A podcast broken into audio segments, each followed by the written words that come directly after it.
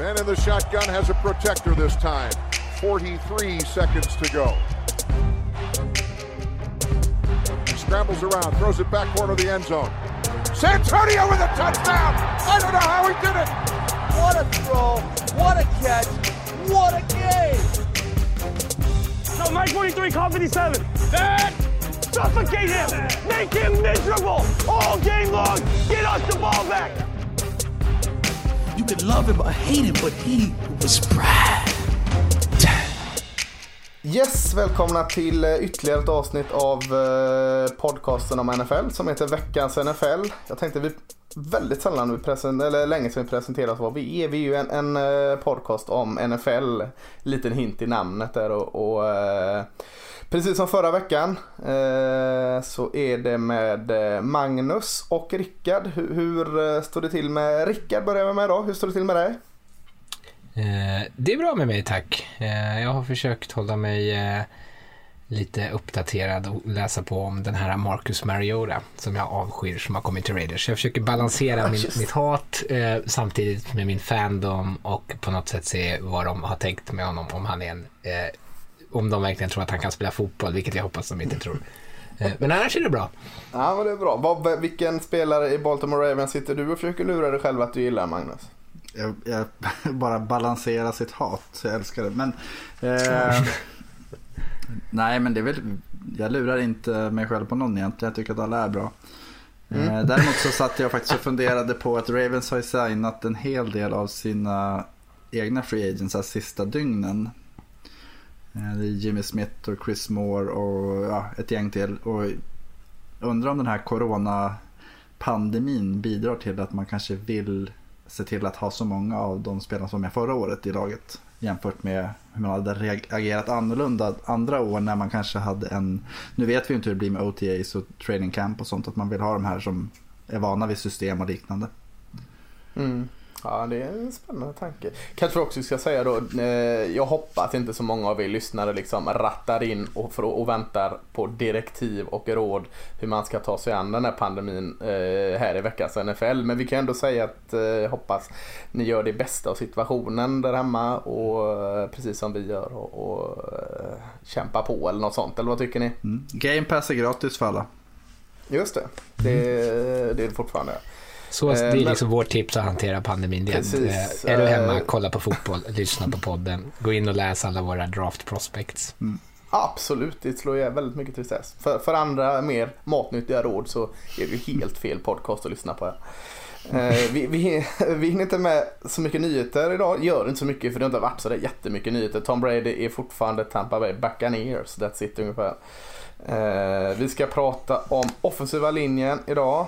Och vi ska prata om running backs och skulle det varit så att ni haft lite radioskugga så är det alltså vi går igenom olika draftpositioner här. Eh, vi går även igenom en division lite hur de kan tänkas tackla draften och eh, det här avsnittet för lotten på AFC East. Eh, AFC East utan Tom Brady. Har vi redan nämnt hans namn två gånger där. Det är perfekt. Eh, jag har vi fyllt kvoten. Eh, får vi stim här av, eh, av eh, Brady-familjen för detta. I och med att vi ska prata om Patriots så gissar jag att han kommer tillbaks. Kanske, kanske. Eh, men har ni inget emot det så, så, börjar vi väl direkt och slänga oss in. Vad ska vi börja med? Ska vi börja med running backs eller ska vi börja med offensiva linjen? Rickard, du får välja. Eh, vi kan väl börja med den offensiva linjen. Det känns som den roligaste positionen. Det gör vi det. Vi gör så att vi börjar eh, precis som förra veckan nerifrån och upp. Alltså inte nerifrån ut med offensiva linjeman 43 i vår ranking utan linjeman 5 i vår ranking här. Och, eh, jag ska inte säga så mycket om nummer 5 här än. Eh, än. Jag, jag avslutar med det är offensive tackle från LSU, left tackle Cedric Charles som är nummer 5. Och hur i helsike hamnar han som nummer 5 Rickard? Eh, för att du har gett honom ett obskyrt högt eh, betyg. jag har inte ens kollat honom om jag ska vara ärlig. Jag har bara sett honom i matcher och då har jag inte riktigt noterat att jag tyckte att han är speciellt bra. Nej, okej. Okay, uh, du har inte så mycket att säga om det? Att du är Nej, han är en strulpelle. Ja. Eh, fick jag veta här innan vi drog igång här när vi, när vi återigen för 51 gången frågade om jag verkligen var allvarlig med mitt beef med Cedric Charles så eh, kollade du upp att han, vad var, han, var, han var omogen och eh, Odisciplinerad. Han sökte ja, sig till problem. När han behövde, när han behövde pengar. När han behövde ja, pengar. Ja. Pengar kommer han ju få nu så det är inget problem där. Men, men eh, jag bollar över till, till Magnus istället. Att han får, kan få svara på var, varför han inte är lika bra som du säger att han är. Nej. Men alltså det, ja, det, är, det, ja. det är lite obalans i vår bedömning av dem helt enkelt. Så kan vi säga att du har ju jättehögt, jag har inte jättelågt. Jag har väl snarare kanske där han kommer landa i slutändan. Att, man kan, att han är ett val för eh, dag, slutet av dag två någonstans, tredje rundan. Eh, mm. Jag tycker han har jättemycket, han har en hög potential. Han är ju lite kort kanske, men han är ändå reslig och har den här fysiska atletiska förmågan som man ändå söker hos en, hos en left tackle. Eh, duglig i springspelet, eh, bra, i press, bra i pass pro.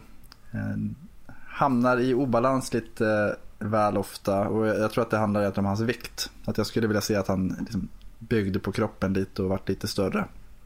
Mm, det har jag med. Um, men, men vad, du säger att du hade han placerat han rätt. Vad, vad, vad, är det då med lite mer eh, nyktra ögon på det? Är det i tredje rundan eller vad? vad, I, tredje, i, tredje, I tredje rundan tror jag han går. Ah. Uh, och just när det gäller vikt så brukar man ju, det är ju inte, Sadiq Charles är inte den första tacken som man tänker att han skulle behöva bygga på sig lite mer vikt. Uh, och det kan ju vara ett stort problem för en hel del av de här spelarna. Uh, men lägger han på sig 10 kilo, 10-15 kilo så är ju han en då tror jag att han är en bra startande tackle i NFL. Mm. Uh, ja, då ska jag, det är lite skönt med den här listan uh, eftersom jag, uh, ja, jag, är, jag tycker han är så bra Cedric Charles. så han är ändå på femma så det är lite skönt att den här listan ändå balanserar bort att en råkar vara väldigt förälskad i en spelare så han hamnar trots allt bara på femte plats. Han var han är etta på min lista såklart gillar jag då väldigt mycket med honom. Jag tycker han påminner en hel del om Lael Collins, right tacken i, i Cowboys som också kom ut från LSU. Eh, rätt storlek. Jag håller helt med dig om att han eh, skulle kanske ha någon centimeter till och bli lite biffigare. Men han, han har kroppen för det så jag mm. tror inte det är något större problem. Problemet är då Lä kan... Längden är ett problem. Det lär inte ah, bli. 1,93 är inte så jättefarligt. Jag, jag, jag tycker hans omfång ser fint ut. Jag tänkte med att han blir inte längre. Nej, nej så sett. Uh, nej. Uh, men, men uh, storleken i kombination med hans rörlighet och smidighet. Det är ju frågan det om man lägger till 15 pannor om man kan behålla sin mm. rörlighet och smidighet. Men det är ju en ständig fråga när det kommer till linjespelare. men jag tycker han spelar väldigt lugnt. Och, och till skillnad från dig Rickard så såg jag han som bäst under hela matcher. mer än när jag kollade film på han. Då var jag Nästan var när jag skrev en not varje gång jag såg en LSU-match och det var de mm. flesta i år. Eh, han rör sig alltså eh, lugnt utan att det direkt ser långsamt ut. Det kanske ser lite långsamt ut men, men, men det är hela tiden under kontroll. Naturligt i sidled, jättefint fotarbete när han speglar motståndarna. Och då tycker jag ändå att han är betydligt bättre i spring. Eh, i pass kan han fortfarande ha lite problem att ankra upp mot de här lite tyngre, tyngre linjemännen som bullrushar honom. Och det har ju med hans vikt att göra. Eh, men trots det tycker jag han har helt okej okay balans. Eh, jättefin första punch tycker jag han har. Eh, kombinerat med teknik liksom. Framförallt i händerna. Eh, nej, men, men jag, jag är, är ju väl medveten om att jag har en jättemycket högre än, än alla andra. Inte bara oss i redaktionen utan alla de här listorna man ser så är han någonstans nere i tredje rundan. Och, och eh, men, men, jag kan ju inte bara ge mig bara för att jag tycker som alla andra. Så att, eh, jag är väldigt glad i honom. Så, eh, Nummer fem, eh, eh Sadiq Charles, LSU. Nummer fyra, eh, vi kallar väl honom offensiv tackle, är Tristan Wirfs från Iowa. Rickard, jag vet att du gillar honom väldigt mycket. Vill du, vill du starta oss? Det kan jag göra. Ja, du, nu sa du ju att vi har honom som tackle. Jag, jag skulle mm. gärna se honom flytta in till guard för jag tror att han passar bättre där. Eh, eller jag mm. tror att han kan vara jätte, jättebra som guard. Men eh, jag tror att han kan absolut vara en bra tackle också. Eh, väldigt atletisk, det visade han ju framförallt upp på Combine. Eh, mm. Där var han ju typ en av de bästa. Eh, Låren där, fy fan vad fina de var. Oerhört fina lår. Stubbar. Nu låter du som Mike Mayock när han sitter och dreglar över bubble butts. Men eh, nej, jag tycker han rör sig bra och jag känner, när han väl får kontakt med sin spelare, när han väl får händerna på honom så är han otroligt stark och kontrollerad. Eh, jag tycker att han rider sin, alltså han, han, kan följa med sin rusher ut när det, han är fart. Jag tycker att han kan trycka till när han behöver och bra balans och styrka i de här benen. Eh, om man så Alltså jag tycker, jag tycker om att ta stillbilder när de är i kontakt och han, har ju, han ser verkligen ut som ett Z när han står eh, eh, liksom i kontakt och det är det som gör honom så otroligt stark. Eh, mm. Varför jag sätter och skulle vilja spela honom guard är att jag kan tycka att han ser lite tight ut när han eh, sparkar bak, alltså när han rör sig bakåt mot en quick rusher, att han kan hamna lite på hälarna då. Ehm, och då tycker att han behöver bli lite bättre på att kontrollera på något sätt, typ när han ska initiera kontakt och när han bara ska invänta kontakt. Eh, men jag tror att, jag tror att han kommer bli bra oavsett, men jag hade helst satt honom som guard. Ja, jag, jag, jag låter Magnus avsluta denna och hugger in lite. Jag, jag var lite sådär si och så med, med, med Worth här eh, innan eh, idén poppade upp även i mitt huvud att som guard så, så, så gillar jag honom betydligt mer. Tycker jag att utvecklingen har varit fin. Spelade right tackle här va var, Eh, Eh, och det grejerna som gör att jag ändå kan se honom som guard istället för tackle. För som tackle ser han lite ensam ut ibland. Alltså lite som att han är lämnad på en ö. Eh, kan inte riktigt eh, liksom läsa av situationen. Han tar jättebra sin första, nu pratar jag pass, han tar jättebra sin första man. Eh, det största hotet och, och eh, med precis det du säger Z där så, så äger han för, eh, ganska enkelt sin första man. Men, men när det kommer eh, lite lurigare spel från eh, defensiva eller olika stunts och det kanske kommer en mm. blitzande linebacker i hålet så har han lite svårt med den här avvärjningen. Liksom, ska han släppa sin man och gå på det faktiska hotet. Så han är inte riktigt där än och det, eh, det behöver han kanske inte vara. Eh, han är på rätt väg men, men just nu känns det som den, den taktiska biten tycker jag jag ser som hans största problem. Och det är ju ganska skönt att det är hans största problem för det är ju någonting som en bra duktig NFL-coach kan lära honom. Och, och eh, som guard så, så, är han mer mitt inne i getingboet. Man jobbar mycket samarbete med både tacken och centern där. Då blir inte det problemet så tydligt tror jag. Så, så som, som, eh, som guard så har han poppat upp ett par betyg hos mig också. Så, så att jag, jag gillar nog tanken med Tristan Wirth som guard ändå. Jag kan egentligen bara instämma. För mig handlar det väldigt mycket om att när är han är som bäst och att sätta honom i den situationen så ofta som det bara går. Att I guardrollen så blir det ju en han blir inte ensam på det sättet. Det blir liksom tydligare vad han faktiskt ska göra. Han kan utnyttja det han är bra på. Att han kan använda mm. sin kraft, han kan använda sin, liksom, sina tunga ben och trycka. Och, ja, jag vet inte, det, det, ja, Rickard, du jämförde honom med Quentin Nelson. Ja, det måste vi ta upp. Det är helt sjukt att du gjorde det. Bästa gården någonsin i NFL redan. Två år in, ja. Nej, men det, alltså, det är ändå det handlar ju liksom inte om att han skulle vara dålig som tackle utan mer att han skulle kunna vara en fantastiskt bra guard faktiskt. Ja, ah, precis. Ja, det kanske. Men ändå Quentin Nelson. Alltså, jag ångrar att jag inte satte 99 på honom och hade betyg alltså. Fan vad fin han är. Det var, det var inte långt bort va? Du satte väl typ 97? Nej, jag satte nog 96 eller ja. något annat. Ja. Eh, Ja, men eh, Tristan Worth, eh, samtliga eniga om att det är nog som guard. Eh, han kan göra riktigt eh, bäst nytta. Eh, som tackle kan han nog göra väldigt mycket nytta också. Ett eh, skönt problem och han kommer eh, väljas högt såklart. Topp 15 mm. är det väl ingen som betvivlar det va? Nej, det intressanta är att han har ju främst spelat right tackle. Mm. Om man tänker, många säger ju att typ Browns eller något av, av de andra lag som behöver en left tackle skulle blocka honom och det kan ju vara en ska man säga, Eh, en utmaning. För han blir mer ensam där.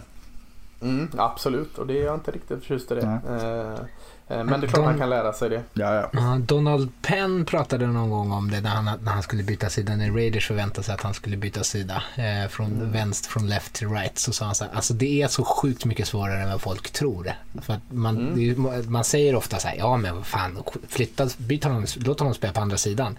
Men det, han pratar om så här, det, det är sån så här, min muskelminnesgrej mm, i liksom hur man kickar, ja men precis, hur man rör sig, när man flyttar händerna och att det är inte alltid så jävla enkelt att bara, ja men skitsamma, byt sida. Eh, Nej, och det, det ligger jättemycket i det för att eh, muskelminnet måste nästan vara det som framförallt en tackle för du har så väldigt mycket andra saker att tänka på på offensiva Mm. linjen. Eh, jag är ju en vurmare av offensiva linjen. Det är ju den här poddens sämst bevarade hemlighet men, men eh, det är så mycket mer än bara eh, buffla och stångas. Du måste ju ha ögonen på den andra nivån och, och planera och tänka så, så att har du inte muskler du sitter och tänker en bråkdel av sekund på eh, att du ska eh, steppa bak med högerfoten istället för vänsterfoten och den handen upp och den handen ner. Ja då är du då har du förlorat slaget mot en oftast mer atletisk linjespelare. mm. Så att eh, det, det är jätteviktigt. Uh, yes, eh, uh, trea. Om, om jag säger så här. Han är verkligen stor och tung och han är verkligen snabb. Så kan Magnus du berätta vem som var som nummer tre? Är det uh, Andrew Thomas? Nej, det är inte. Men tack, för, tack för att du Mackie Beckton. Det är Mackie Beckton. Yes. Uh, offensiva attacken från Louisville här. Som, Eh, som, eh, Det är ju helt galet eftersom jag inte, jag har inte honom som tre. Eh, Nej, du har inte någon som trea där. Nej, men, men- börja med oss då. Offensive tackle, Mikael Beckton, eh, Louisville. Precis, den enda, kom en, lite från ingenstans i år. den enda som har varit bra i Louisville i stort sett sen Lamar Jackson spelade där. Nej, inte riktigt så illa. Men alltså han är ju, jag tror jag skrev det, en gigantisk lerklump att forma. Och det, det är liksom, han är ju stor, han är stark, han... Alltså han, han är ju han är bra utan att vara bra på det han gör på något vis redan. Eh, Jag tror att, så här, Mm. en pannkaksmaskin. Han kör ju över, alltså Ja, man vill ju inte hamna i vägen. Liksom. Nej, nej, men när man tittar på hans eh, tape så det känns ju lite som när man kollar på den här filmen The Blind Side. Mm. Att Michael Owers liksom flyttar bara spelare som man vill. Och det, Beckton har ju liksom den här totala överlägsenheten och det är väl det som är egentligen enda nackdelen skulle jag säga. Eh, spelare som är fysiskt överlägsna brukar tendera att antingen bli slarviga eller slarviga, lata eller dåliga med sin teknik. Och nu kommer han ju möta bättre motstånd. Eh, han kommer behöva vara liksom mer skärpt, mer tekniskt skillad och det men annars, jag sa det här innan vi spelade in att uh, Mackie Beckton kan mycket väl vara NFLs bästa left tackle om tre fyra år. Alltså den, den potentialen finns där och han har liksom, han är stor, atletisk, stark, långa bläckfiskarm. Alltså det skulle han vara dålig som tackle så skulle han ändå vara svår att ta sig förbi. Ja, du sa att du hade han inte som trea på din lista. Jag, jag, ansåg, jag tror att du hade han högre då. Eller? Ja, etta. Etta har du. Rickard, vad har du han på din lista? Eh, oh, f- Där trea. någonstans. Trea. Ja, trea. Ja. Vad, vad, vad säger du om, om uh, Beckton? Alltså jag håller ju med om att han är en stor lerklump som man kan forma, att hans liksom, fysiska dominans är ju svår att inte eh, förälska sig i. Du, vi, vi pratade ju här lite innan vi började spela in när du sa att eh, man vill ha stora, starka fysiska eh, offensiva linjespelare och det har vi ju i, i Becton. Eh, Men man måste, jag tycker att det är roligt att du jämför med Michael Orr, Magnus, eh, för det gick ju inte kanske jättebra där. Och, och jag får lite så här när jag tittar på det, man får lite sån här småkänsla så här. Kan det här vara årets Greg Robinson, en sån där tackle som bara jäklar han kan bli bra. Fan vilket högt tak han har. Han är bäst av alla. Vi tar honom tidigast. Och så blir det precis som du säger att han, han har varit så fysiskt dominant bara för att han är stor och stark. Och sen så plötsligt möter han bättre talanger och så har han ovanor som är svåra att skaka av sig. Mm, ja, det kan vara. Så Vi, vi skulle för övrigt hålla det som en liten hemlighet att jag eh, var den här bakåtsträvan som, som var anti snabba, atletiska, mobila offensiva linjemän och ville bara ha rå styrka. Så att det, det hörde ni inte. Det, jag är framåtsträvare som alla andra. Eh, Men eh, ja, eh, lite som en ko på grönbete har jag skrivit, eller inte skrivit men tänkt i alla fall. Eh, Du släpper ut han där och han är helt lyrisk. På andra nivån kommer han upp jättefint och råkar någon jävel komma i vägen så flyger han all världens väg. Men han är ju slarvig, han vet inte riktigt vad han ska göra där uppe på andra nivån. Han springer runt och jagar sin egen svans. Och, Fast det och, spelar ju ingen jäk- roll. Nej, nej, för, nej, nej absolut. Han tar ju med Men sig är- sju man liksom. Ja absolut alltså. Det är som en sån här rivningskula som kommer också i eh, han är galen där men, men han vet ju inte vad han gör. Han, han är ju långt ifrån fullärd såklart. Eh, Eh, men jag tycker också att han är bra i pass. Han jobbar med bred och fin stance eh, i sidled. Eh, kommer lite för högt och det är det där slarvet vi pratar om. Men han är explosiv och väldigt snabb upp på den andra nivån. Och får han väl kläm vad, vad fasiken han ska göra där och hitta lite rätt vinklar och, och, och kanske liksom följa den där planen som var sagt i, i, i hadden så, så kan det bli riktigt bra. Eh, men Greg Robinson, ja, jag håller med lite båda där. Den här Greg Robinson-oron finns där. Eh, men han kan också vara bästa left om tre år. Det, det köper jag också. Mm. Så att, väldigt spännande. Det kommer bli väldigt spännande att följa hans eh, karriär. Och, och, precis som eh, Borough här från Iowa så eh, talar väl väldigt mycket för att han också eh, draftas topp 15 i den här draften va? Ja, jag tror han går topp 10. Ja, precis. Topp 10 till och med. Kan ja. mycket väl vara första attacken som går. Mm. Nummer fyra. Och är det, är, skulle Giants ta honom så är han ju Greg Robinson. Ja, eller Eric, Eric Flowers. Stackarn. Ja. ja.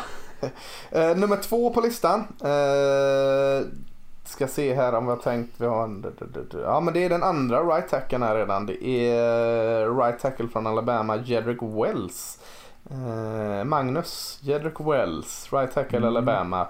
För Wills. den vänstern Tua Tagovailoa. Ja. Wills säger man, jag säger, mm. säger alltid Wells. Kom on, Wells Fargo, Wills Fargo. Jo men ja. det, han är ju en, vad ska man säga, en spelare som likt väldigt många av de här, förutom alla utom typ Thomas och Werfs egentligen, som har eh, blommat ut under sitt sista år. Mm, fin utveckling. Jättefin utveckling, jättebra sista år och uh, var bäst på Alabamas offensiva linje den här säsongen. Uh, explosiv, attackerar bra i springspelet, duktig på andra nivån, så han är rätt atletisk. Fin rörlighet. Väldigt, väldigt bra när springspelet går med honom så att han får liksom vara den som leder vägen. Jag tycker han är extremt naturlig i pass protection och jobbar liksom med bred bas och fina fötter. Samma där kanske längden inte är optimal men den, liksom, hans förmåga att röra sig tycker jag liksom, slätar över det. Eh, mm. Aggressiva händer, fin punch. Eh, kan bli lite överaggressiv ibland. Och det, det inget stort problem egentligen men det, man ser ibland att när han, liksom, han går för det och sen så blir han lurad. Men eh, jag tänker mycket på när man kollar Alabama Auburn så han flyttar ju på Derek Brown som är vi kommer att prata om defensiva tackles senare här i, under, under våren och Wills har ett, ett par liksom, reps mot Derek Brown. När ett han liksom, har han. Ett har Ett par. Tre, fyra, fem. där han bara liksom puff, så bort med dig. Din som 150 kilos bjässe. Eh, så att, nej men det men det är samma där. Right tackle. Toa är vänsterhänt. Är då, kan man då se honom som left tack? Alltså det är, jag, jag, tror inte att det är så stor. Det spelar inte så stor roll med Wills faktiskt. Jag, tänk, jag tror Worfs, mm. de låter lite lika, men jag, jag tror Wills har eh, han, är, han är ett av de mer safea prospekten här skulle jag säga. Av våra tackles mm. hittills väldigt populär. Han har varit lite trendigt val. Mm. Rickard, hur, eh, vad säger du om Wills då? För jag, säger, jag vill så gärna säga Wells, men jag säger eh, Wills. Vad, vad säger du om Jedrick Wills? Aha, eh, jag håller med det som du säger Magnus. Så det här med att han blir aggressiv ibland han, handlar ju lite, om man jämför honom med Becton då, om att han kanske inte har den här råstyrkan. Så att han ibland behöver vara eh, lite mer aggressiv, behöver satsa lite mer för att kunna generera den här kraften. Eh, jag tycker, men alltså det som jag framförallt tittar på honom blir imponerad av när han gör sådana här typ reach blocks eller när han liksom måste sidoförflytta sig typ två yards innan han tar kontakt med någon defensiv linjespelare på insidan när de pullar eller någonting och så trycker han liksom till att han är så otroligt snabb i den rörelsen. Um, och jag, jag, tror inte att han kanske är den som man skulle sätta in i ett powersystem där han måste liksom leda vägen. Nej. Men uh, han är väldigt bra tycker jag på att liksom eh, skärma av och, och liksom ha sin röv mot running backen så att han ändå skapar en, en, en, eh, en lane för honom att springa i. Och jag, jag tror också jag tror att han, han känns väldigt, väldigt säker. Och det här med att han har spelat på högersidan, det är ju precis som du säger Max, det är ju för att Tua är vänsterhänt och då har de ju satt sin bästa tackle på hans blindside. Det, det, känns som att man ibland pratar om honom utan att tänka, sig, tänka på att han, han är deras bästa tackle. Han står inte på högersidan för att han är näst bäst. Mm. Eh, nej men jag, jag hör vad ni säger där.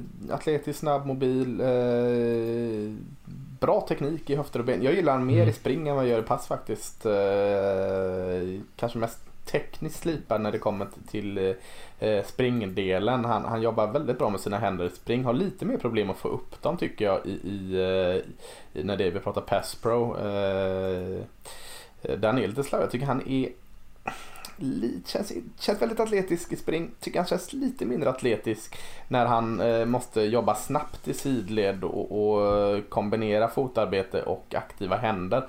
Där tappar han lite, det kan man slå slipa på. Och, och, eh, han är inte med i min topp 5 men eh, Det är också jag blir mer och mer... Ja. Han är inte ens med i din topp fem. Nej.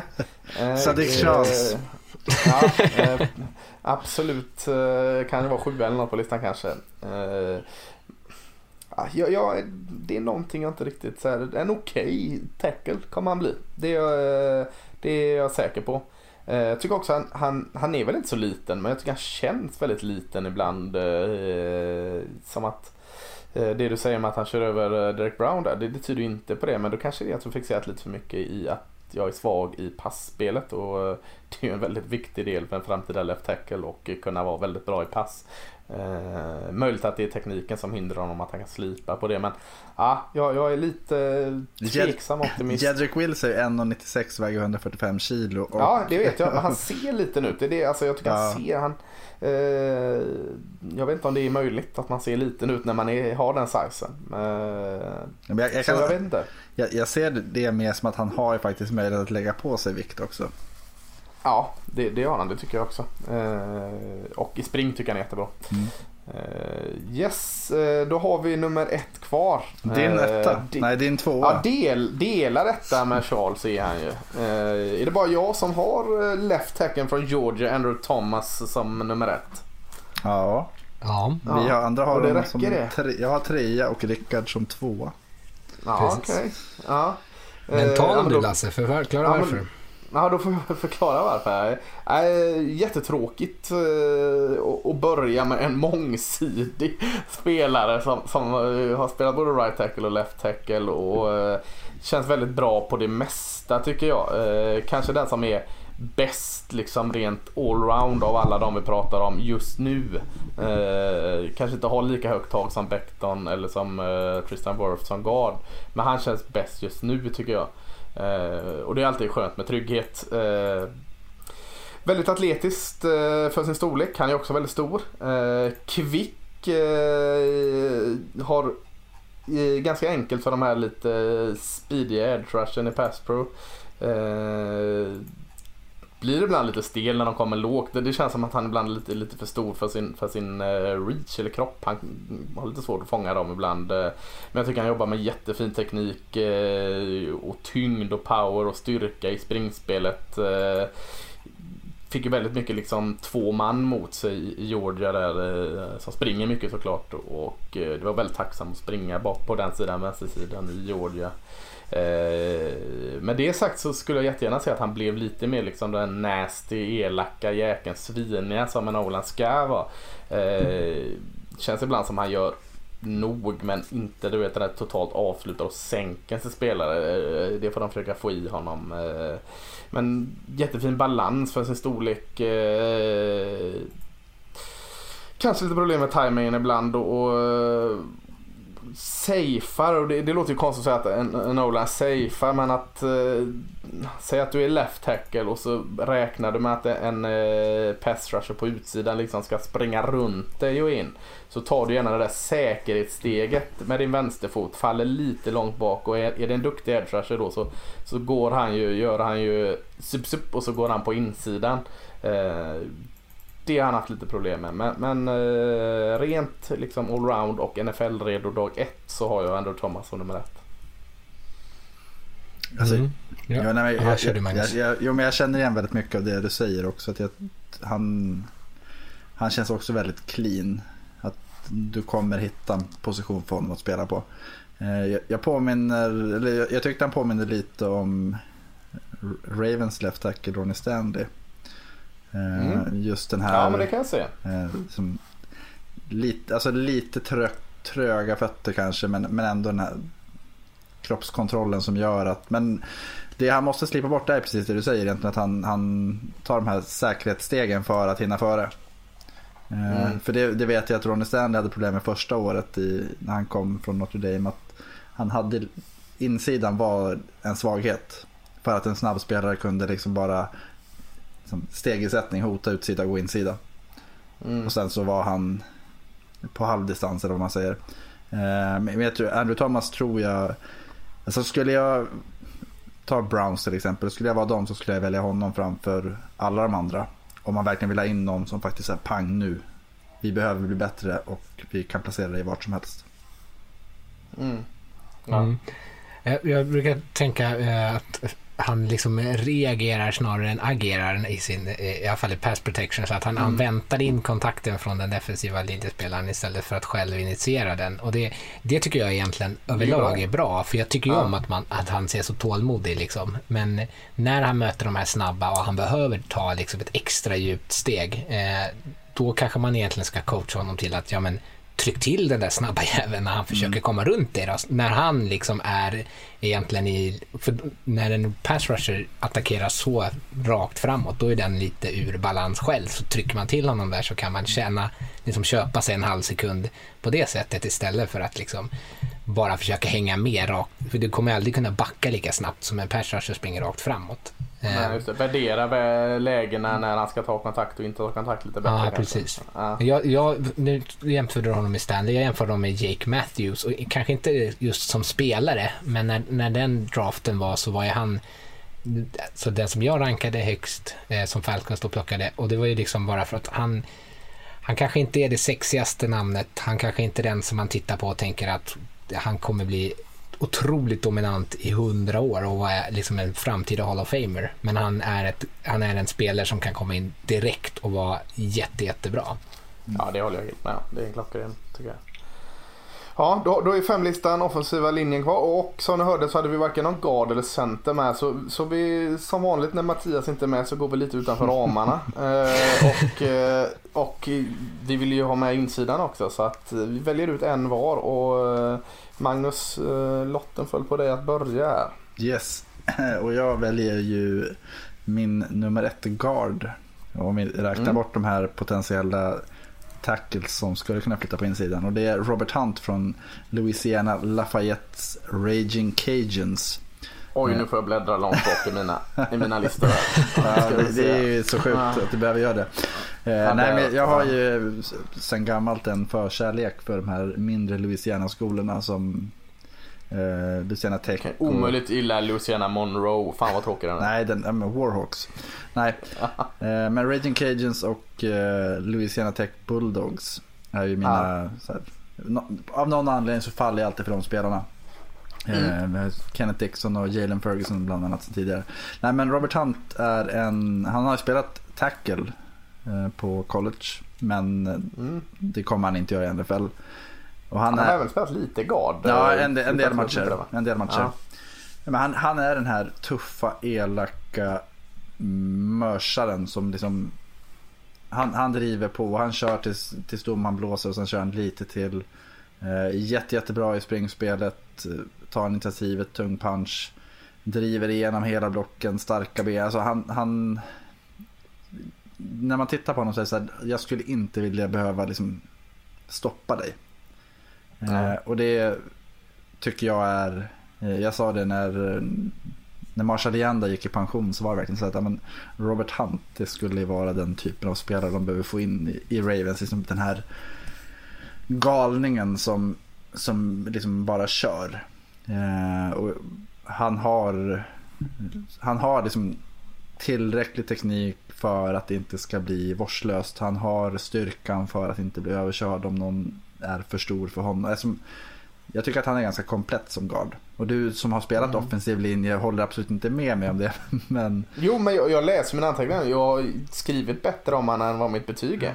Eh, eh, nej, men jag, jag köper vad du säger. Mycket av, väldigt mycket av det. Eh, jag har bara inte sett den här spetskvaliteten. Jag tycker hans eh, styrka är ju solklart i springspelet. Eh, grymt tryck i sin första kontakt eh, när det kom till spring och eh, snabbt upp och stance och sånt. Så det finns fina egenskaper, absolut. Eh, såg bara en del svagheter i tekniken och framförallt i pass liksom, som jag hakade upp mig på.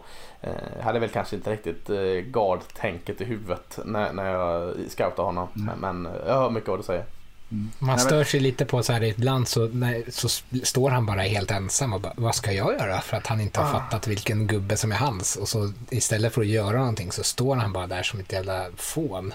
Jag tycker visserligen om honom, nu låter jag jättehård, men en sån sak är en sån grej som är så svår att få av. Det bränner sig fast på näthinnan. Att så här, det- men, gå och tryck till någon bara då. Då, då får han en flagga och sen så blir han ut. Nej, jag håller med. Att, men det, det är det som är grejen. Att han är ju en, han är ju en kamphund någonstans. Att du, Mm. måste, du måste ju vifta med den här lilla köttbiten framför något och då, Ja, kör, då kör han. Och den, Vet du vad, alltså, Mattias, vet du vad Mattias har sagt nu? Nu får vi speeda upp lite. skojar Jag du? tror att han inte är här. hur, hur, vet han, hur vet han det? Nej, han har sagt det. Garanterat. Men men eh, Ja, det är min kille. det är din kille. Yes. Rickard, vilken är din? Eh, ja, då kan jag ta min som är högst rankad i guard. Då har jag Solomon Kinley från Georgia. Eh, också en, en spelare som ska spela i ett powersystem. Eh, väldigt kraftfull, eh, väldigt bra tycker jag i, i springspelet när han liksom tar kontakt och sen bara egentligen trycker iväg sin kille. Eh, han är kanske inte jättekvick i fötterna. Eh, han är inte någon som ska röra sig i, liksom, det är därför han behöver vara i ett powersystem. Han ska inte behöva flytta så mycket i sidleds eller så söka upp tomma ytor. Utan han ska bara, där är en gubbe, knuffa bort honom. Och, och det gör han väldigt bra. Eh, I pass, han är duglig, han är kanske inte jättebra på det. Eh, jag tycker att han suger åt, alltså att han dämpar eh, power rush relativt bra. Jag såg att, att Magnus inte höll med. Jag läste in. Men eh, jag tycker att han är tillräckligt bra som guard och jag tycker att han har gjort det bra på Georgia. Så jag tänker att han kan man också bara trycka in i rätt system och så har man en bra pålitlig starter. Köper du det Magnus eller? Jag, jag tror jättemycket på honom. Jag, jag tyckte bättre om honom under säsongen än vad jag tyckte när jag kollade på honom sen. Min första rad i, i min bedömning är ger ett överviktigt intryck. Och det är... Gött intryck ändå på en jag. Jo, fast han, han, han känns ju lite som den här, vet du, en- vet du, en Gru i Elaka jag. Han är ju Jag väldigt, har ingen aning. nej, han är väldigt stor upp till och lite tunn ner till. Eh, och jag, jag tror att det är det som blir problemet. Att får man liksom den här eh, övertunga personen i rörelse så har han ju väldigt svårt att parera det med benen. Så han skulle behöva liksom fördela om sig lite tycker jag. Skrev ner Gru elaka jag här nu. Jag måste Nej, men- lära mig hur, vad jag ska anteckna och inte anteckna. Det är din komp. Ja, Jag ska lägga upp en Eh. bild sen så ska ni få se. ja, det är bra. Eh, Ja, jag, jag tycker det är sagt det mesta om honom. Jag, lite varannan match tycker jag. Alltså han, han, eller varannat spel. Jag vet inte. Det är så upp och ner med honom. Eh, har inte riktigt bestämt mig än så jag har inte renskrivit honom riktigt än. där. Kommer. Jag, jag går, eh, eftersom jag ska vara den här bakåtsträvaren som gillar eh, stora starka eh, spelare så tar jag Shane Lemieux i Oregon. Eh, garden där. Eh, oxstark eh, och egentligen bara bra i springspelet. Eh, duglig i pass tycker jag han är. Eh, Men som guard kommer man undan ibland med vara duglig om man har mycket hjälp från sin center och tackle där. Jättefin under midjan med styrkan men eh, överkroppen är wow vilken punch han har. Alltså läskig jäkel. Bra teknik. Eh, nu pratar jag bara i i spring här.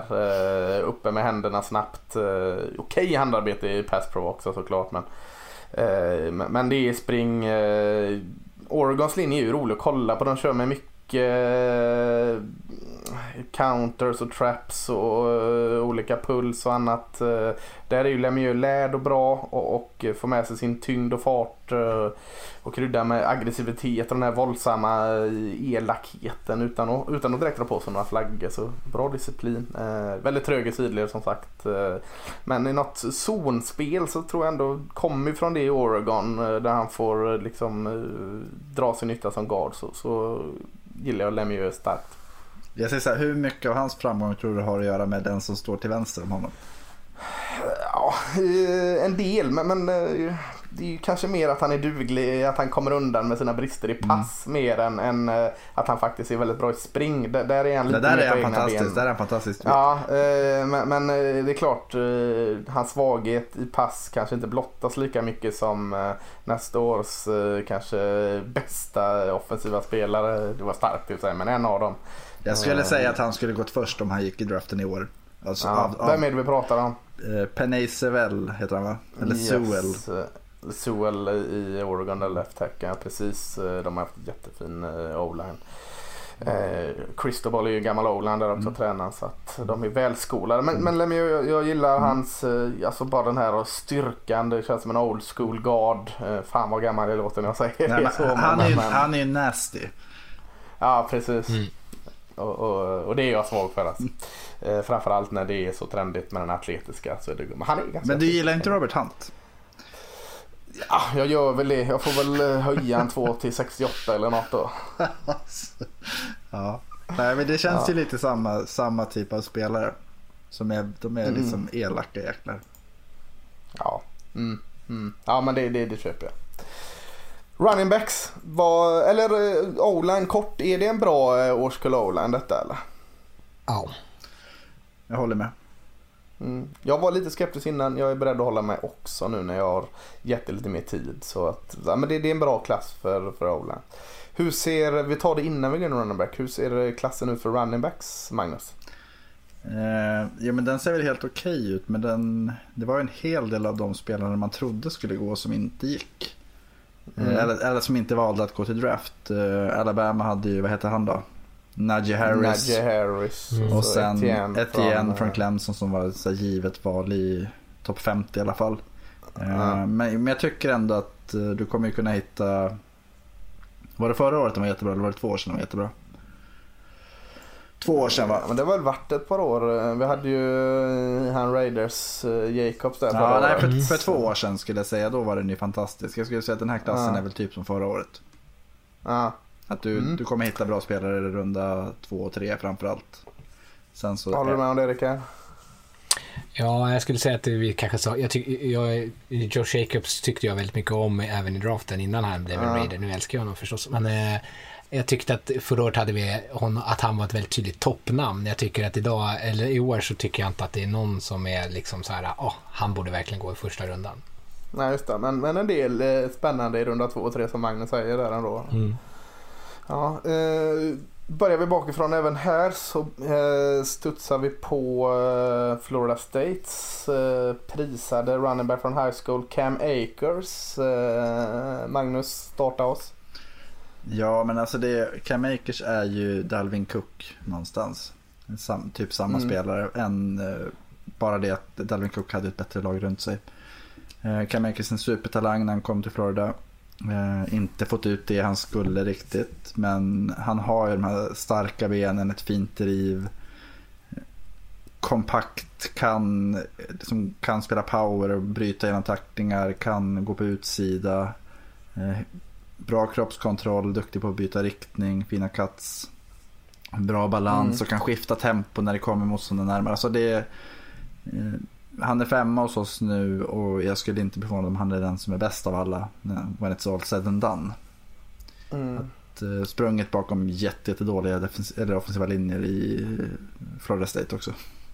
Ja, han har verkligen haft skräp framför ja. sig och eh, det kanske har gjort att det jag tvivlar emot honom. Han har behövt vara lite för kreativ mm. för att uh, han har inte haft en lucka. Han har inte ens hunnit chansen att få ut det han är bäst på. Nej. Utan han måste improvisera på, efter en halv sekund när det är tre i ansiktet på honom och, och då är det orättvist att mm. bedöma det efter det. För att han är ju den här uh, plöjan med låg tyngdpunkt i verkligen pumpar med sin fysik. Eh, eh, men, men ändå liksom smidig, en smidig buffel på något sätt. Eh, så, så det känns liksom lite orättvist att bedöma honom från, från de taskiga förutsättningarna han haft i Florida State. Jag vet inte hur du känner där Rickard?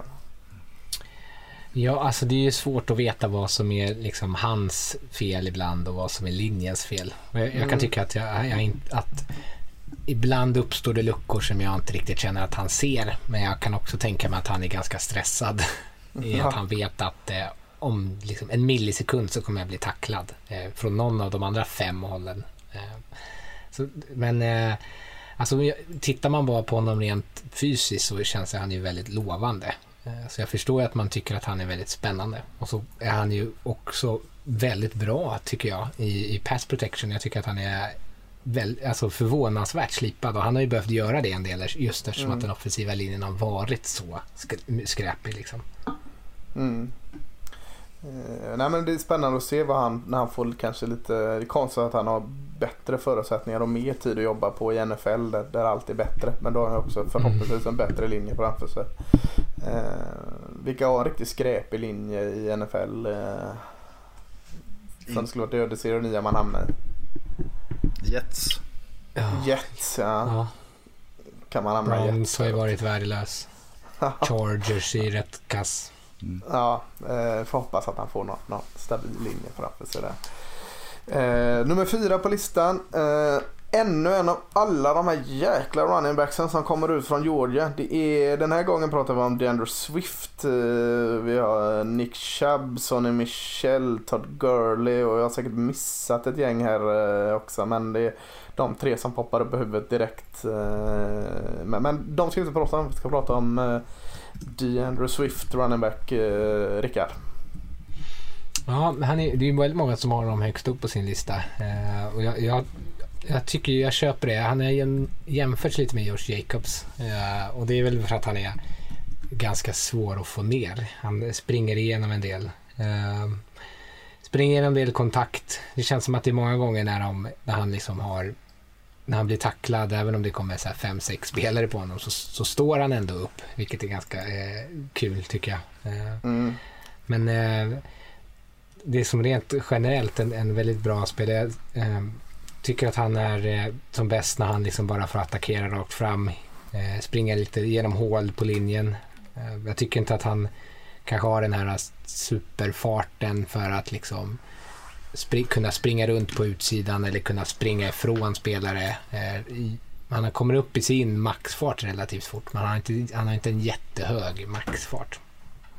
Nej, han, han är... Jag, jag köper mycket av det du säger också.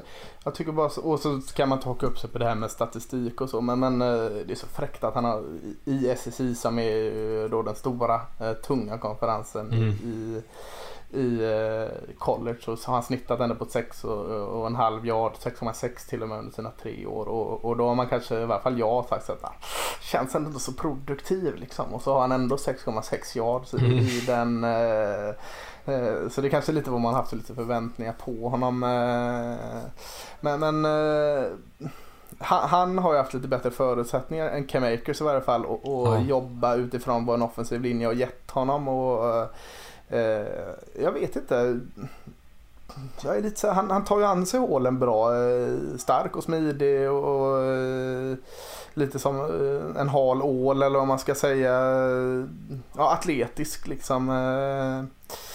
Men, men, men det är någonting riktigt där som, som jag känner att liksom, han fått ut allt riktigt uh, ur det. För, han, för jag tycker även han är bra i pass, eh, passspelet. Uh, framförallt har han utvecklat det mer. Uh, men jag, jag vet inte. ja, eh, lever lite för mycket på sin fysik kanske. Klarar han det i NFL? Vet inte. Eh, Han måste nog anpassa sig, sin spelstil lite mer så han inte drar på sig sådana här skador och, och annat om man kör den stilen. Eh, fan, han, han spelar vårdslöst emellanåt. eh, Även i passblockering. Han är villig att passblockera väldigt mycket och, Mm. och gör det gärna. Men, men det ser ju direkt farligt ut ibland när, när liksom han, eh, ja, får man se så här benbrott med någon benpipa som sticker ut här nu för att han, eh, jag har helt gått in i det fel men, men ah, jag tror på Andrew Swift i, i, eh, i grund och botten. Det, det gör jag, men, men det finns ett frågetecken. Magnus, Andrew Swift, vad, vad är ditt, vad är din bedömning? Eh, jättefina fötter, jättefin balans. Eh, han, han känns väldigt komplett någonstans. Samtidigt så... Om man jämför med hur typ Gurley och Chubb och som Michelle gjorde i Georgia. Om man tänker vilken offensiv linje Georgia gjort så vart man ändå lite besviken över Swift. Visst han var ensam mm. men han borde kunna fått ut lite mer.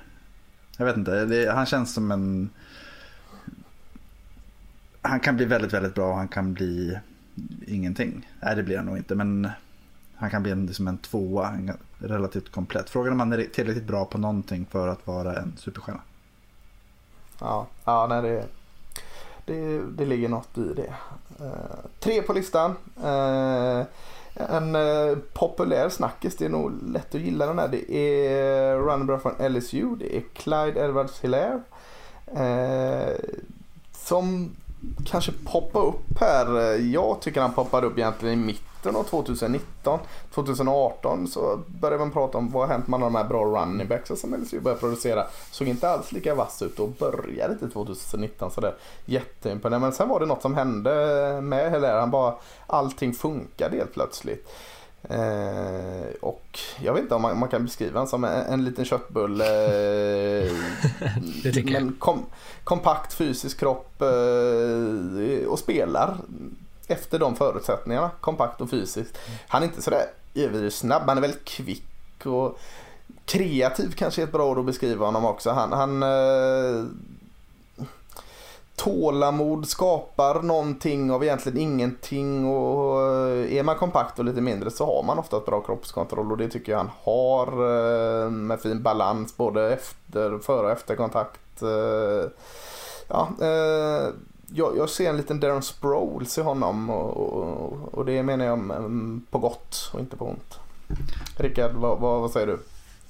Jag håller inte riktigt med om att jag tycker att han skapar så mycket på egen hand. Uh, han har haft en ganska tacksam situation där. De har haft en bra uh, linje. Uh, jag, jag, gillar honom ändå, även om jag kanske inte tycker att han alltid är superduktig på att hitta någonting från ingenting. Men han är så här, precis som du säger, som en köttbulle. Alltså, jättehärlig låg tyngdpunkt och jättebra balans. Han är otroligt svår att liksom trycka till. och sen om man tänker sig bara det här run pass option spelet som är så otroligt populärt just nu så det har de ju kört på LSU och det gör de ju jättebra med honom. Han har ju varit superviktig för det där anfallet. Dels som runner men kanske nästan mer som en receiver i deras, eh, i deras passspel. Han är ju jättemycket yards också eh, som en passmottagare. Mm. Vad, vad, vad säger du Magnus?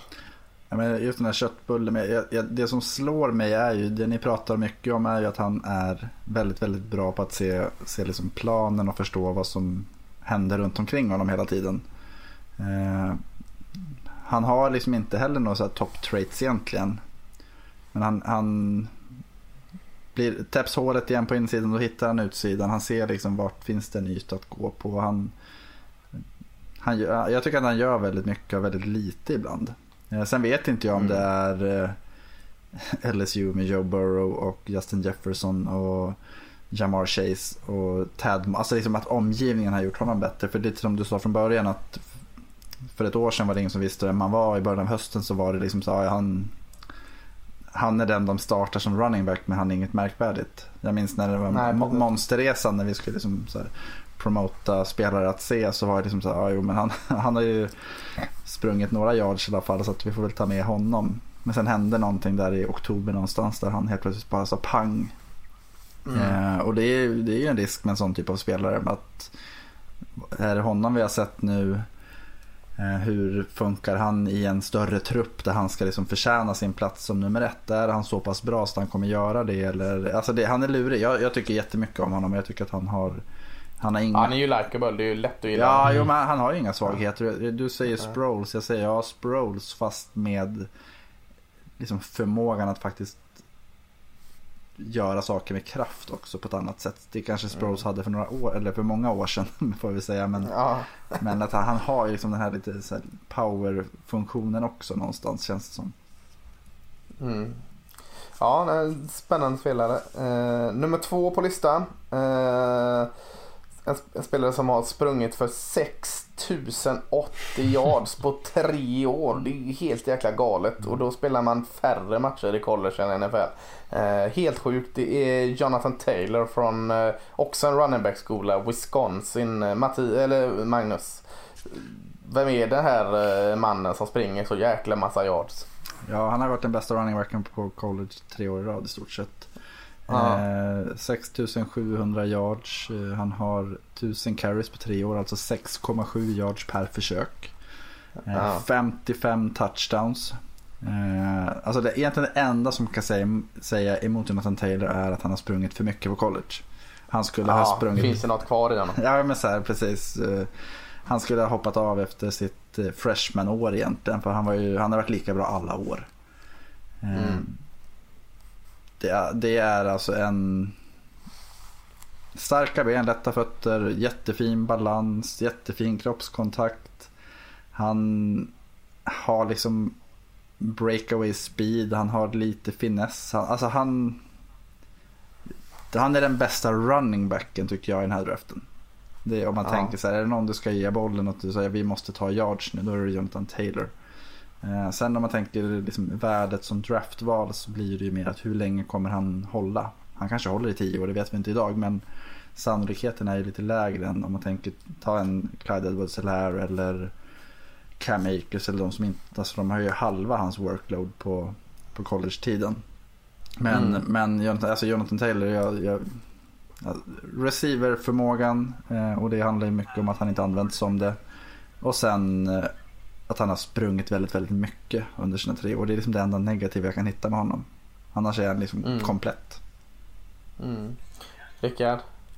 Ja, han har ju en del fumbles ändå. Eh, vilket Ja. jag tycker känns att man kan nog... Alltså han har haft 18 stycken eh, i sin karriär. Nu har, har man haft sprungit bollen tusen gånger så låter det kanske inte så jävla mycket.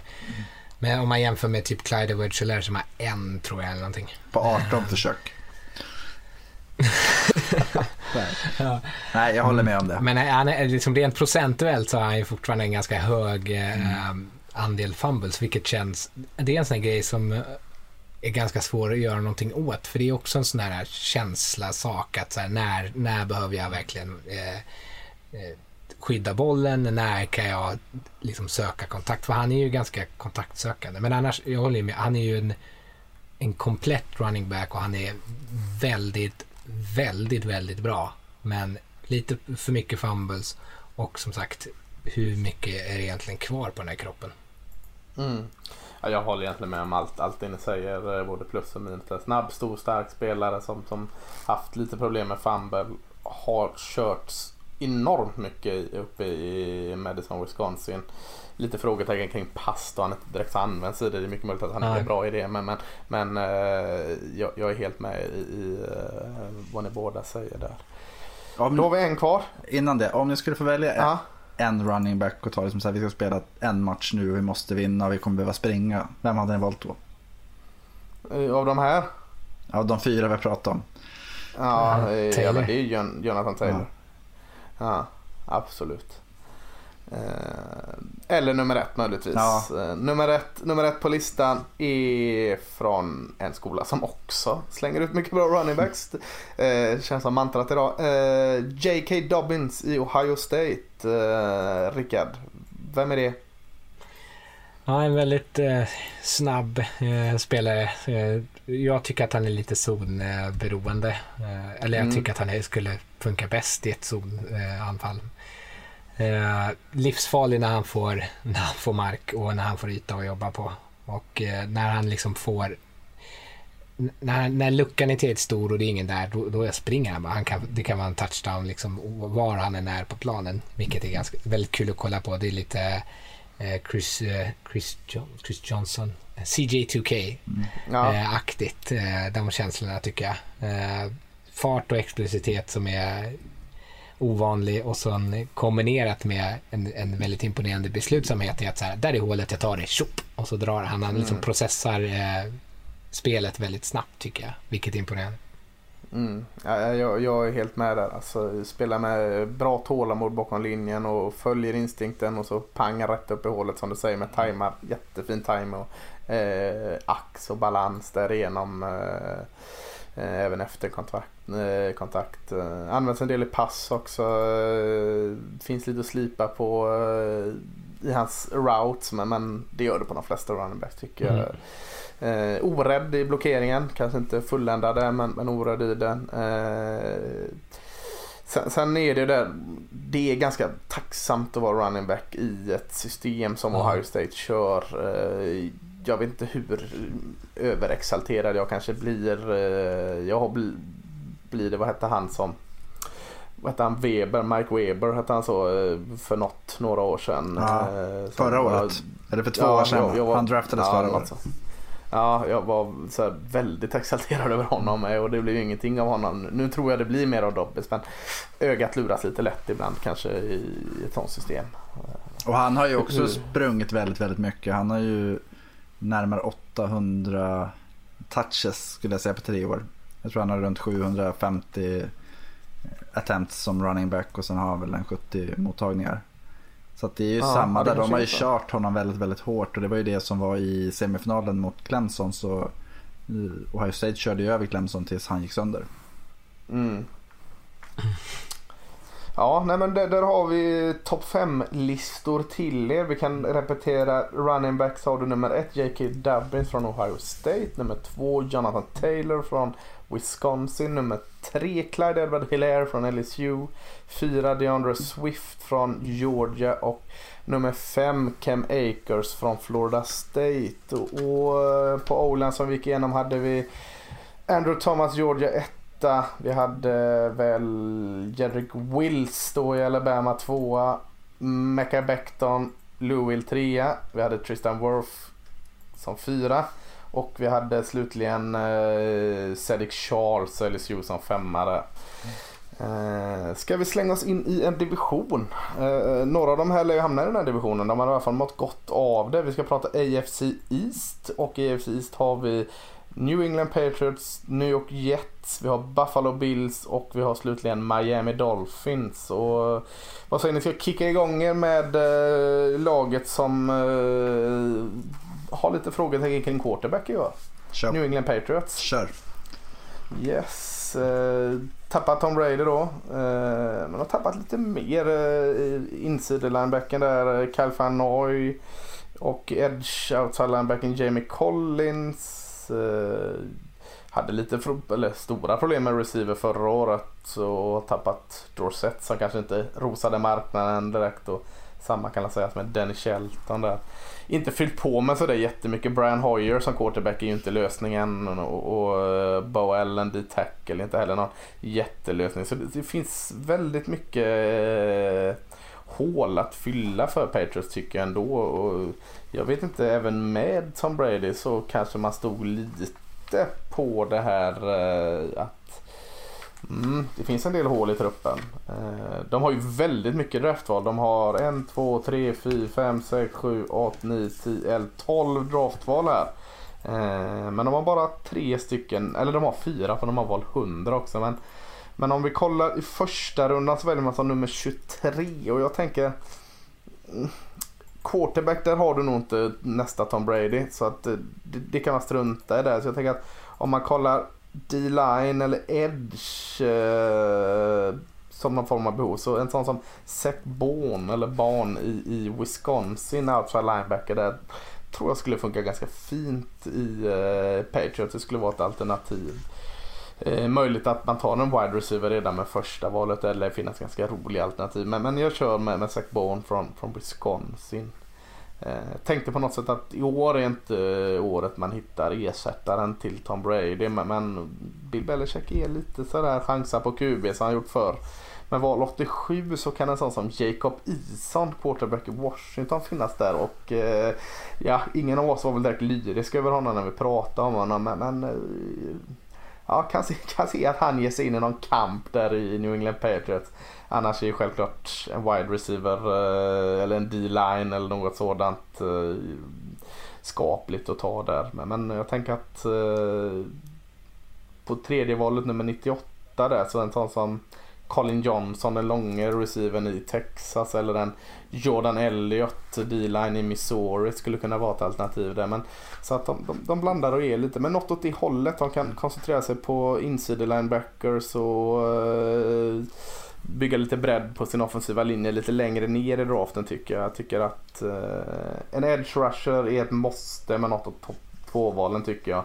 En wide receiver kan räcka med topp 3 men, men wide receiver och eh, edge rusher känner jag att eh, det är ett behov.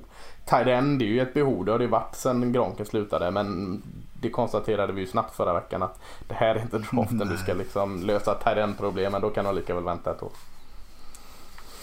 Eh, köper ni det eller är det Jacob Eason, nya Tom Brady? Är han det? Det är han inte, men de kanske tror, chansar på ja. honom.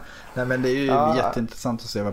Jag läste någon eh, allvetare här som skrev om att eh, Patriots kanske vaskar 2020 någonstans. Att de liksom tänker att vi kommer inte lösa quarterback-frågan denna säsong. Eh, att de chansar på Dalton, eller på Hoyer och Stidham. Stidham. Eh, mm. Och sen visst skulle någon falla och man alltså Dallas hade ju Dak Prescott var ju inte den, den liksom lösning de själva trodde på när, när han draftades Nej. i fjärde rundan. Så det kanske dyker upp något sånt. Men eh, det ska bli jätte, jätteintressant att se. De flesta tänker väl att eh, typ Cam Newton eller Andy Dalton eller James Winston landar i Patriots så småningom. Men i och med att de signar mm. Hoyer så känns det väl lite mer som att ja, det kanske är vask. Mm. Ja, kanske. Största utmanaren i år, är det Buffalo Bills tro? Jag skulle säga... Det är väl logiskt att gå till den slutsatsen med tanke på att de hade ett fint eh, år 2019. Mm. Jag skulle väl säga så här att om inte, om inte Miami liksom så totalt superträffar i draften så... Ja, de slutade fint förra året. Ja, ja men de, de har fem val topp 50. Så att säga, får de ja. fyra starters där som är som bra starters så kan de ju absolut. Men det kommer vi prata om sen. Men, nej, men Bills de har ju en... Eh, de gick till... Visst gick de till slutspel va? Eh, ja. Jajamän, ja. ja. ja. Eh, och har ju jättemycket som man säga, de, har, de har en trupp som har, eh, de hade sina styrkor och de hade sina tydliga begränsningar. De begränsningarna är sånt som de ändå har liksom börjat täcka upp någonstans. De tradade till sig Stefan Diggs. Mm. Eh, vilket innebär att man, receiver. Precis, eh, då får de sin etta. Eh, sen har de ju Cole Beasley och eh, Smokey Brown, John Brown. Så de måste ju ha de kortaste 1, 2, 3 receiversna i, i NFL. Men vilket är lite kul när de har liksom Josh Allen som är ja. en, en bollspridare. Men de har speed och de springer sig fria och de skapar separation och det tror jag är nyttigt för den typen av quarterback. Eh, sen så annars, det som stack ut i, i Free Agency var ju att, eh, eller två saker. Dels så försöker ju Brandon Bean och eh, McDermott bygga ett nytt Panthers. De tog in Josh Norman, Vernon Butler och Murray Addison som alla var i Carolina tillsammans med de här herrarna. Eh, men sen också på defensiva linjen att i och med både Addison, Vernon Butler och Quinton Jefferson som var från Seahawks va. Så har de jag tror de har typ 14 defensiva linjemän. Och det, ja, det, det, ska bli kul att se vilka de behåller men eh, de tog Ed Oliver först i draften förra året till exempel och Harrison Phillips året innan i typ andra eller tredje rundan. Så de har ju mycket bra defensiv linje och ja, det, det, ska bli jättekul att se vad de gör. Men i draften till exempel så... Går du defensiv linje första draften? jag, det var kul. Jag tänkte göra Jag tänkte göra de, de, de, har ju de saknar ju pass rusher. Eh. De saknar corner egentligen. Josh Norman, det är väl ingen som tror att han är den han var förut. Eh, så att någon som är vi, som, som kan hjälpa Trey White.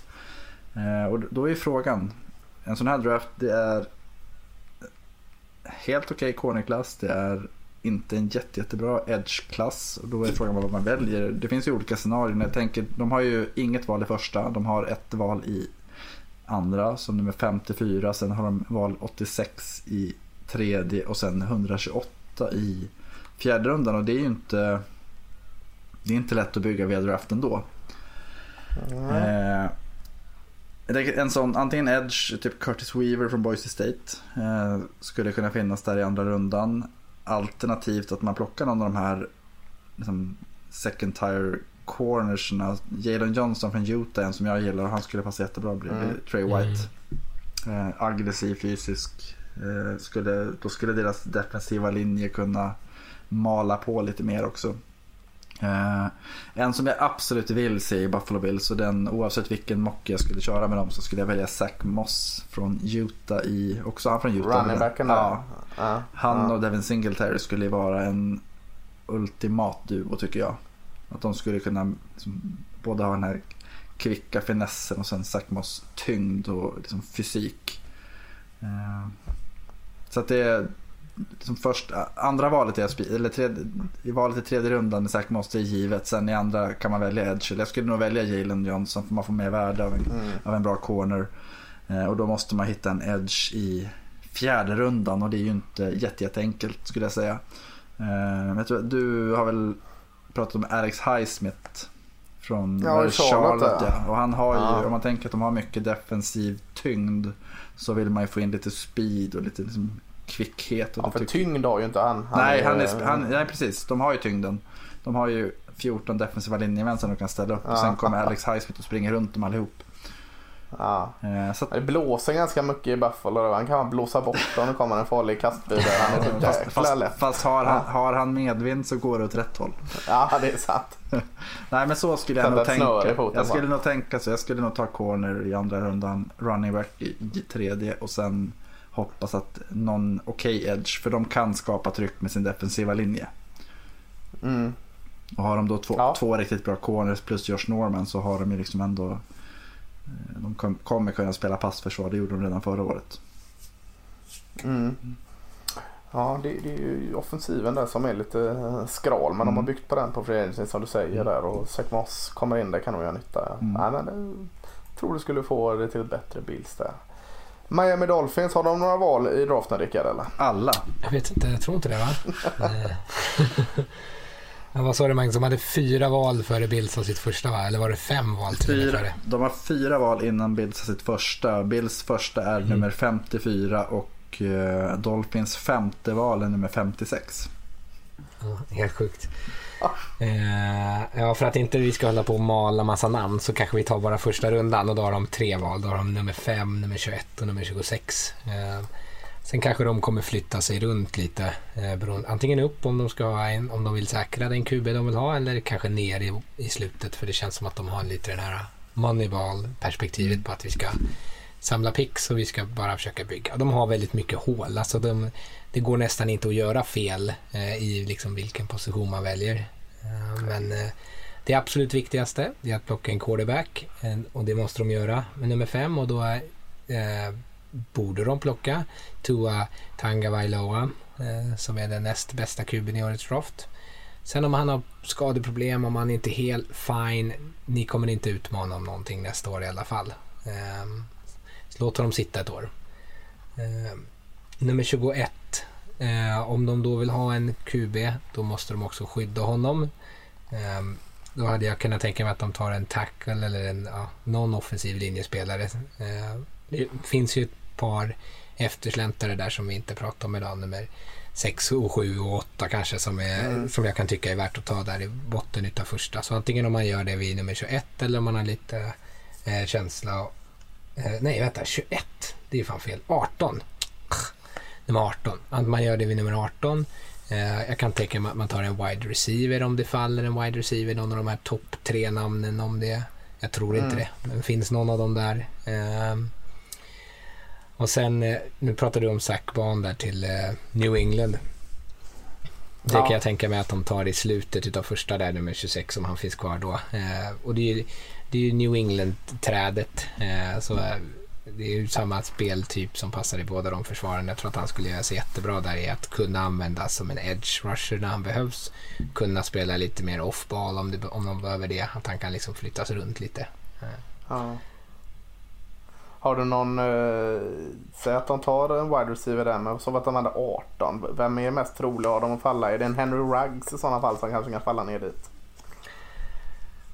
Ja, eventuellt ja. Alltså jag har ju, Henry, Henry Ruggs är ju min trea, eh, så Mm. det, det är väl det. Eh, Sen är det om man kanske tycker att det inte är så sexigt med någon av de andra, Ruggs fart blir liksom, vi tar honom tidigt av den anledningen. Men Mm. eh, om någon faller så är det ju bara, det är bara att hugga. Ja, absolut. Ja, det är spännande. Eh, sista laget ut. Eh, avslutade fint förra året. Eh, började inte så fint. New York Jets. Eh, har väl inte hänt så där jättemycket med dem eh, under free agency. Signade eh, Tacken George Fant där för 10 miljoner per år vilket jag tycker låter väldigt mycket. Eh, platsade knappt i Seahawks offensiva linje och, och då är det ju illa redan där. Eh, så jag vet inte, det, det känns som ett fortsatt behov. Eh, tappade ju Beecham där men han gjorde inte mycket nytta. Robbie Anderson, var det han blir klar nu någonstans? Eh, Panthers. Yes. Panthers är receiven där. Truman Johnson, Konen borta. Eh, lite running backs där bakom eh, Bell som, som är borta. Så det kanske blir John, eh, Cam Akers med en taskig linje. Eh, jag vet inte. Men, men de har väldigt många behov. Eh, I offensiva linjen såklart ett skrikande behov. De har även behov för eh, corners, D-lines, receivers. Jag kan tänka lite running back djup och, och linebacker djup. Men, men de är liksom nummer 11. Och ja, de, av de här guldgossarna vi har pratat om i offensiva linjen så finns ju någon av dem kvar där garanterat. Säkerligen ett par av dem. Jag, jag ringade in Andrew Thomas där. Eh, finns inte han kvar så kan man ju gå på eh, Wills eller eh, eh, eller någon sådan. Men, men eh, offensiva linjen och en tackle och säkra upp där en gång för alla förhoppningsvis eh, eh med nummer 11. Så, sen väljer man nummer 48 då, då är det lite Ska man fortsätta offensiva linjen som kanske behövs men det känns lite liksom magstarkt att gå Ola med båda två där. Receiver Ja, det kan man nog hämta väder längre ner så jag, jag, jag lägger mig på defensiva sidan och pendlar mellan en edge eller en corner och, och då är det lite så här eh, uh, Jetro Gross, Gross Meadows från Penn State som en outside linebacker kanske mer än en D-end. Jag vet inte. Eh, uh, locka mig lite. Jag vet inte om, om det kanske är locka Jets lika mycket men, men uh, jag hade kunnat se det. En corner som har mätt från Ohio State. Kanske lite högt för honom det men, men uh, Johnson i Utah som du nämner Magnus hade också funkat in bra där. Men, men en corner ledge med andra valet. Tredje valet nummer 68. Då, då är det dags att få ordning på defensiva linjen. Eh, eller offensiva linjen. Det är lite smaksak det. Men eftersom vi har tagit en offensiv linjespelare så, så tar jag en eh, defensiv linjespelare. Marlon, Marlon Davidson i Auburn tror jag hade passat jättefint i Jets. Eh, hamnar väldigt mycket i skuggan med allt snack om Derek Brown. Marlon Davidson hade också ett jättefint eh, säsong i college där. Så eh, O-line, edge och eh, D-line får, får bli eh, Jets start på eh, någon form av eh, oändlig rebuild eh, i, i New Jersey-området. Ja men det är verkligen, de har ju så mycket saker de behöver bli bättre på och då får man ju tänka eh, Sam Darnold, tror man på honom då är det O-line han måste börja med. Mm. Han får inte gå sönder liksom eller få Han såg ju spöken förra året så att det, det är väl någonting man vill undvika denna höst. Mm, ja men så är det ju såklart. Och, eh, men spännande division liksom. Äntligen. Med, när Patriots känns lite mänskliga för en gångs skull. Kommer de att göra sin bästa säsong på Ja, hur länge som 15-1. helst för det. Ja. Ja, men, men eh, ja, kan inte helt liksom såga varken Jets eller Dolphins. De kan nog eh, ställa till det en del. eh, Men jag tror det handlar om Bills eller, eller Patriots. eh. Jag tror Bills vinner den. Ja, vad tror du Rickard? Jag tror Patriots vinner. Ja, jag tror också det. Tills något annat är bevisat Ja, är- så är fasiken Patriots favorit eh, tycker jag. Eh, yes, det, det var eh, vår lilla kompakta eh, mediainspelning för denna kväll. Eh, hoppas ni fick ut en del av det. Det fick vi i varje fall. Och påminner om att att eh, gå in och kika på nflsupporter.se där vi, vi, eh, jag tror den ligger som första nyhet, en ständigt uppdaterande lista där vi lägger omdömen på alla spelare.